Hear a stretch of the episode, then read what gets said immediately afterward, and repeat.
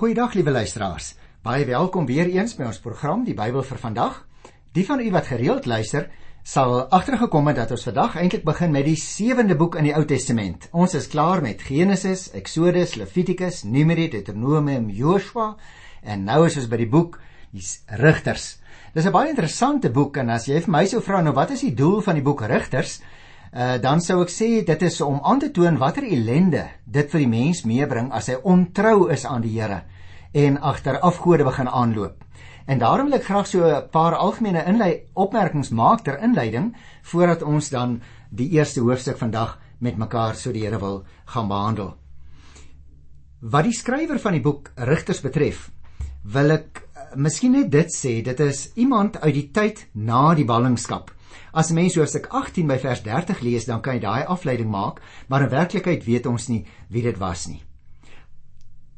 Oorsigtelik sou ek graag hierdie volgende opmerkings wou maak want ek dink dit is ter saake. Jy sien, wanneer 'n mens terugkyk op die geskiedenis, dan staan 'n mens dikwels verbaas dat daar nog iets van die wêreld oorgebly het na soveel oorloë en soveel verkeerde dinge wat gebeur het in die geskiedenis.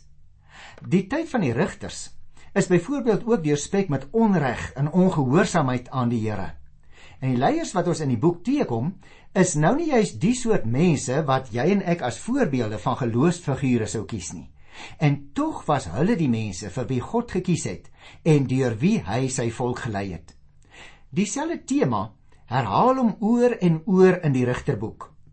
Die stamme van Israel is omring deur heidene nasies en weer en weer raak hulle afvallig van die Here en begin hulle telkens weer om afgode van hierdie heidene onder wie hulle woon te aanbid. Die Here straf hulle dan ook elke keer en hy gee hulle oor in die hand van hierdie verskillende nasies. Wanneer die Israeliete nou begin om swaar te kry, dan roep hulle elke keer tot die Here om hulle uit te red. En elke keer luister die Here maar weer na hulle en dan roep hy 'n persoon om hulle te kom red. Die leier wat die Here stuur, is dikwels 'n spreekwoordelike buiteperd. Met ander woorde, iemand wat 'n mens miskien nou nie verwag as 'n redder vir mense sou kon optree nie. En niemand het daardie persoon as belangrik genoeg beskou om hom as leier te laat optree nie. Kom ek noem voorbeelde. Ehud en Jael was byvoorbeeld sluipmoordenaars. Jefta was 'n huursoldaat. Samson, nou ja, hy's baie bekend. Hy was ook 'n regter en hy was 'n man wat nie van vroue af kon wegbly nie sou mens sê as jy na hom kyk. En tog, tog stuur die Here sy gees na hierdie spesifieke mense en gebruik hy hulle om die volk te verlos. Al is hierdie leiers net so sondig soos die volk self, het hulle in God geglo. Hulle besef dat hulle die sekerheid vir sukses nooit in hulle self sal vind nie, maar alleen in God. En wie luisteraar, dit gee vir my ook soveel moed dat die Here vir jou en vir my wil gebruik ten spyte van onsself, nie op grond van wie ons is nie. Nou, geen een van hierdie leiers kon egter daarin slaag om Israel vir altyd getrou aan die Here te maak nie. Die volk val maar kort voor lank weer terug in die afgodsdiens. En dan begin hulle ook om daardie volkere se gode te dien. Die rigtertyd eindig dan uiteindelik op 'n noot van wanhoop wanneer daar selfs nie eens meer rigters in Israel optree nie en elkeen begin doen wat reg is in sy eie oë. Grootskaalse morele verval begin ook onder die volk intree. Oënskynlik, as 'n mens in die oppervlak kyk, dan sou jy sê alles is eintlik baie godsdienstig. Maar onder alles uit klink dan die noodkreet van mense wat nie in die regte verhouding met die Here lewe nie. Kom ek maak 'n paar opmerkingkies ook so as agtergrond ten opsigte van die wêreld waarin die rigters opgetree het. Ek dink ons kan vandag met 'n groot mate van sekerheid sê dat die rigtertyd ongeveer 250 jaar geduur het, min of meer so van 1250 tot 1000 voor Christus. Is interessant dat daar ook nogal oor hierdie periode heelwat argeologiese gegevens is wat opgegrawe is en geïnterpreteer is en wat vir ons help om juis die wêreld, kom ek sê so, om juis die verhoog waarin die rigters opgetree het, baie mooi te kan inkleer. Nou in daardie tyd wat ek nou genoem het, het die grootste buitelandse bedreiging vir Israel van die kant van die sogenaamde seevolkere gekom. Die seevolke, sal jy miskien nog onthou, ek het al oor hulle gepraat 'n keer, het van die Egeïese eilande en Kreta, wat in die Bybel genoem word Kaftor, gekom en hulle het van so die 14de eeu voor Christus oor Anatolië, dit is nou Klein-Asië en Kanaan en Egipte begin oorstroom. Hulle het in die noorde van die landkaart as jy daarop kyk, aan die Hittitiese ryk 'n einde gemaak. Maar hulle is uiteindelik in Egipte teruggedrywe. Nou so van die 13de eeu voor Christus af het sekere stamme, by name die Filistyne, hulle aan die suidwestelike kusgebied van Kanaan gevestig. Ander stamme, soos byvoorbeeld die Checkers, het hulle weer in die sentrale gebied van die land gevestig in Palestina. Die Filistyne het 'n eie soortige kultuur gehad. Hulle was goeie soldate en hulle was lank voor Israel reeds in staat om eyster te bewerk. Hulle was dus reg van die begin af vir Israel 'n bedreiging tot in die tyd van koning Dawid. Alhoewel Egipte in staat was om die seevolke se opgang te stuit, het swak leierskap en korrupsie Egiptiese invloed die wêreldpolitiek geneutraliseer. Die mag van die Assiriërs was met 'n enkele uitsondering baie beperk. Die swakheid van die groot nasies het egter daartoe gelei dat die kleiner volkerre en stamme, soos byvoorbeeld die Midianiete en die Amalekiete en die Moabiete, selfs die Edomite en meer verder na die noorde, die Arameërs, hulle in die omgewing gevestig het en vir Israel 'n bedreiging geword het. En daarom is dit so belangrik, liewe luisteraars, dat ons ook sal verstaan hierdie geskiedenis word in 'n sekere sin gedek in die boek Rigters. Ek gaan dit weer sê wanneer ons by die verskillende gedeeltes kom, maar net breedweg, ons sou die boek in 3 groot afdelings kon indeel. Eerstens is daar die inleiding en die tema van die boek wat 'n mens skryf van hoofstuk 1 vers 1 tot by 3 vers 6. Die tweede groot gedeelte is die val en die opstaan. Dit kry mens van 3 vers 7 tot 16 vers 31. En die laaste gedeelte sou ek sê handel eintlik oor die verval van Israel. Dis 'n baie hartseer gedeelte. Mens kry dit van Rigter 17 vers 1 tot aan die einde by hoofstuk 21 vers 25. Nou maar ek dink luisteraars, dit is genoeg so 'n bietjie ter agtergrond en daarom wil ek nou dadelik gaan na die eerste groot gedeelte wat dan handel van 1 vers 1 tot 3 vers 6. Dit handel oor die tema en ook die inleiding van die boek. Ek gaan vandag net die eerste hoofstuk behandel. En is interessant, liewe luisteraars, dat dit ook uiteenval in twee gedeeltes. Die eerste 21 verse handel oor die suidelike stamme en dan gaan ek teen die einde van die program 'n paar opmerkings maak oor die noordelike stamme waarvan 'n mens lees in hoofstuk 1 van die 22ste vers af. Nou goed, kom ons gesels eers voordat ek na die teks kyk, so bietjie oor die suidelike stamme. U sal dit kry in hoofstuk 1 se 21 verse. Jy moet in gedagte hou, die boek Joshua wek die indruk dat die Israeliete die land Kanaan vinnig en geheel en al in besit geneem het. In Rigters wil dit nou voorkom asof dit 'n stadiger proses was as die een wat beskrywe is in die boek Joshua. Jy sien waar Joshua vertel dat die stamme saamgestaan het om die land te verower, berig Rigters dat elke stam daarvoor verantwoordelik was om die gebied wat aan hulle toegeken is te verower. So dit is dus twee perspektiewe Die een uit die boek Joshua 'n vinnige inname. Hier in Rigters 'n meer geleidelike inname word beskrywe en elke stam moes die grondgebied wat aan toegesê is deur die ou leier Joshua self verower. Interessant, al die stamme het ook nie met eweveel sukses hulle gebiede verower nie. Juda het die meeste sukses behaal. Die ander stamme was eintlik minder suksesvol. En julle gaan dit sien wanneer ons nou deur die boek Rigters blaai. Miskien kan ek ook nog dit sê, uh Juda was natuurlik die stam wat in die latere geskiedenis van Israel die langste bly voortbestaan het. Juda het ook nog na die dood van Joshua die opdrag van die Here om eers te begin om die inwoners van die land aan te val. Met uitsondering van die mense wat in die vlakte gebly het, slaag Juda dan ook daarin om al die inwoners wat in sy grondgebied gebly het te verslaan. Die verteller of miskien meer as een verteller in die boek Rigters voeg dan ook by dat die Here by Juda was. Kyk maar hier in Hosea 1 by vers 18 en dat hy hulle in staat gestel het om die hele gebied in besit te neem. Mens moet natuurlik onthou as jy terugdink nou aan wat ek jou net nou by die inleiding gesê het dat die heidense godsdienste van Kanaan en die ware godsdienst van Israel nie naas mekaar in die land sou kon voortbestaan nie. Hoe meer suksesvol die stamme van Israel was om die heidense godsdienste en hulle beoefenaars te verdrywe, hoe beter het dit met hulle gegaan. Daarom kan ons dit ook andersom vir onsself sê. Hoe groter jou gehoorsaamheid aan die Here en hoe stewiger jou verbintenis met hom, hoe minder plek is daar in jou en in my lewe vir afgoderry en allerlei onheilige dinge. Waar die verdere verhaal in Rigters wil waarsku teen die gevaar van afgoderry wat toegelaat word om hier onder ons neuse voort te gaan, wil hierdie eerste gedeelte juis vir jou en vir my ook aanmoedig om ons met Juda te identifiseer en soos hulle korte mette met onheiligheid en verkeerdheid in ons eie lewens te maak. Nou mag jy miskien vra, hoekom het die Here die Israeliete beveel om die inwoners van die land dood te maak? Want natuurlik vandag lyk dit vir ons na baie wrede opdrag. Jy en ek moet egter onthou, liewe luisteraar, dat die Israeliete God se oordeel oor die afgoderry van die inwoners van die land moes voltrek. Die godsdiens wat hulle bedryf het, was iets gruweliks in die oë van die Here. En om dit wortel en tak uit te roei, moes ook die mense wat dit beoefen het uit die weg geruim word. Toe die Israeliete self ook daardie godsdienste begin beoefen het, het God hulle gestraf omdat hulle net so sonde geword het as die mense vir wie hulle eintlik moes verdryf. Jy sien die Here se geregtigheid eis dat hy alleen aanbid moet word. Nou kom ons kyk na so 'n paar tekste in hierdie eerste hoofstuk van die boek Rigters.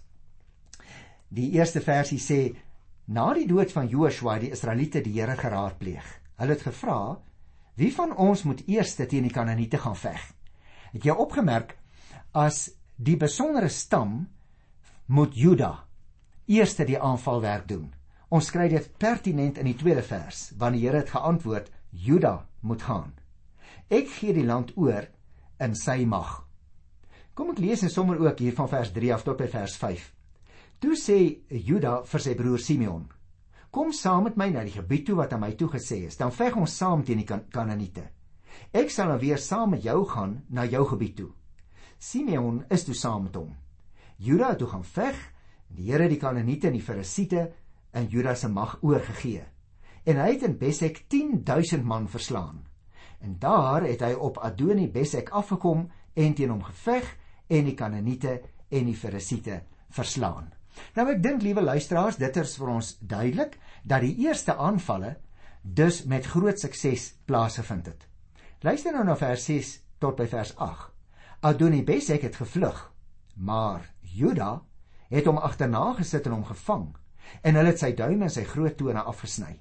Toe sê Adoni Besek: God het my nou die straf gegee wat ek verdien, want ek het 70 konings se duime en groot tone laat afsny en hulle moes kos soek onder my tafel. Juda het vir Adonibesek na Jerusalem toe gevat en hy's daar dood.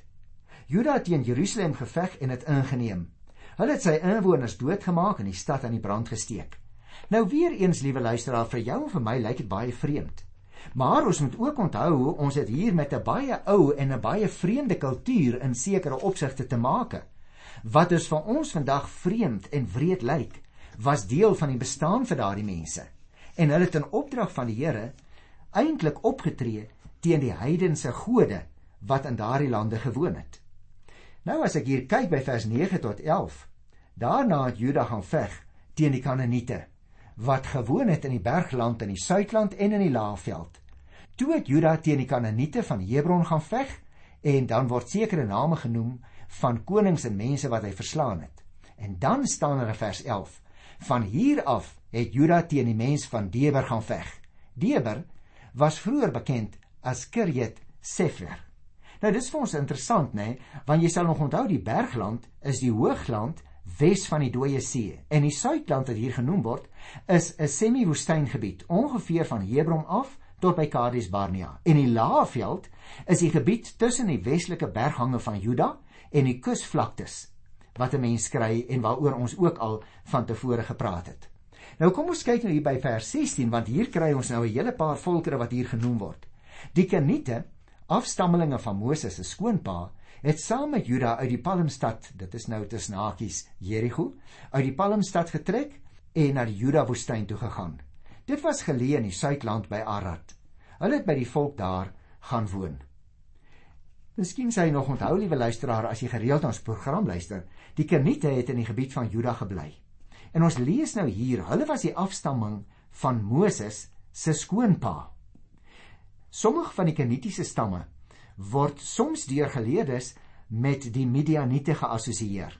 Hulle het eers natuurlik in die omgewing van die Palmstad, soos ek nou net gesê Jerigo, gewoon, maar later voeg hulle hulle egter by Juda om die suidland in die omgewing van Arad. Nou dit is so 27 uh, km suid van Hebron uh, te gaan woon. Luister na vers 17. Juda het met sy broer Simeon saamgespan en die Kanaaniete verslaan en in Sefat gewoon. Hulle het die stad in puin gelê en dit Gorma genoem. 'n Mens moet miskien net hierso op hierdie punt vir mekaar sê dat Juda en Simeon eintlik 'n totale verwoesting bewerk het van Sefat af in die stamgebied van Simeon. Die totale verwoesting van Sefat is as 'n offer beskou en die stad, interessant, is later Gorma genoem. Vertel die Bybel hier vir ons, wat natuurlik nou weer verband hou met die Hebreëse woord wat met in puinlegging en met banoffer verband hou. Interessant hoe dat gebeure wat daar plaasgevind het, naamlik dat die stad in puin gelê is, later opgevang is in die naam van die stad. Vers 18 en 19 sê die Here was by Juda en hulle het die bergland in besit geneem. Maar Juda kon nie die inwoners van die vlakte verslaan en hulle stede verwoes nie, want hulle het eysterwaans gehad. Hulle stede was Gaza, Askelon en Ekron, elkeen met sy grondgebied. Nou natuurlik luisteraar sal jy onthou ek het net nou in die program vir jou gesê die Filistyne was van die begin af 'n baie sterk vyand. En hierdie stede wat ons nou hier lees, Gaza, Askelot en Ekron, was drie van die Filistynse stede. Dit het daar na die suidweste gelê op die oewer van die Middellandse See. En nou sien ons dadelik hier in die Bybel dat by die intog hierdie Filistynse stede nie verower kon word nie. Hoekom nie? Die Bybel gee die rede. Hulle het eyster strydwaans gehad. En nou weet ons, die Filistyne was die mense wat die eerste eyster kon bewerk in daardie deel van die wêreld. En die Israeliete wat nou vir 40 jaar in die woestyn rondgetrek het, hulle kon natuurlik nie eyster bewerk nie. En daarom het die Israeliete en die Filistyne reg van die begin af kop teen kop teen mekaar te staan gekom. Vers 20 en 21 vertel vir ons: Soos Moses beveel het, is Hebron aan Kaleb gegee en hy het die drie nageslagte van Enak uit Hebron verdrywe. Ons lees dus hier ook nog van ander volke soos byvoorbeeld die Enakite. En hulle is dan nou ook verdrywe. Jy sal nog onthou by die inname van die land was daar nogal vrae oor die Enakite en dat gesê is maar hulle is die reuse. Hulle is baie groot en baie sterk. Ons kry dus in hierdie eerste klompie verse van hoofstuk van vers 1 tot 21 dan so 'n uh, beskrywing van hoe dit in die suidelike stamme of die suidelike gebied van Palestina as ons dit nou maar so mag noem gegaan het. Maar ek wil net 'n paar kort opmerkings maak oor die noordelike stamme. Want jy sien, hulle word spesifiek hier beskrywe van vers 22 tot by vers 36. Kom ek vertel eers vir jou voordat ons hier en daar na 'n teksgedeelte kyk wat ek baie oorsigtelik gaan doen na 'n breë oorsig van hierdie gedeelte wat dan die gebied was waar die noordelike stamme moes gaan woon. Die gedeelte begin in vers 22 en hy eindig in vers 35 met 'n verwysing na wat genoem word die Josef stamme. Nou luisteraars binne hierdie breë omraming wat dan omvou word met die betiteling Josef stamme word dan berig oor hoe die stamme wat van suid na noord in die land gaan woon het, gevaar het om hulle onderskeie gebiede te verower. Die Here was by die Josef stamme, lees ons, en hulle het byvoorbeeld Bethel verower. Hulle het egter 'n ooreenkoms met 'n verraaier gesluit en hom die ruimte gegee om sy lewenswyse elders te gaan voortsit. En wanneer die verteller by die stamme kom nou van Manasse en Efraim en Sebulon en Aser en Naphtali en dan dan herhaal hy dit byna soos 'n rympie elke keer. Daarom wil ek dit nie vers vir vers doen nie. Elke keer byna soos 'n rympie dat elkeen van hulle nie hulle vyande verslaan het nie en saam met hulle bly woon het. En nou baie belangrik. Hoe verder hy op die ry van stamme afgaan, En hoe verder noord hulle gebly het, hoe droewiger het dit met hulle verowerings gegaan. Dis belangrik dat ons dit sal raak sien. Kom ek sê dit anders. In kontras met die suidelike stamme rondom Juda, het hierdie noordelike Josef stamme nie ontslaag geraak van hulle vyande en van die afgode nie. En dit het hulle op die lange duur ingehaal. Dit is dan ook geen wonder nie dat die noordelike stamme later in die geskiedenis die eerste was wat weggevoer is in ballingskap. En later het hulle heeltemal van die toneel af verdwyn. Jy sien, liewe luisteraar, wie saam met die goddeloosheid wil lewe en dit goedsmoeds elke dag wil verdra, is ongehoorsaam aan die Here en loop op die lange duur dieselfde paadjie as die afgode en hulle aanbidders. Daarom wil hierdie gedeelte ook vir jou vir my waarsku en ek dink selfs oproep liewe luisteraar dat ons hierdie goddeloosheid hierdie naby aan afgode lewe hierdie hand aan hand lewe met afgodsdienaars wat in ons tyd nogal aan die orde van die dag is nê dan stel jy jouself op die lange duur bloot aan gevare wat jou kan meesleur.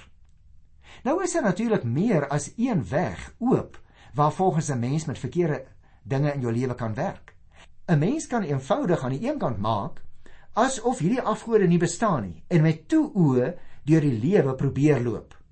Maar jy kan dit ook met hand en tand in jou eie lewe beveg en jou hele lewe daarin wy om die kwaad wat in jou lewe inkom te probeer uitroei.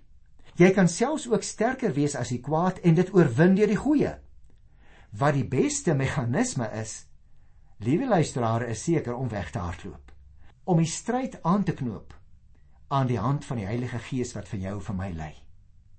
Want ons moet onthou, alleen sal ons nooit die boosheid oorwin nie.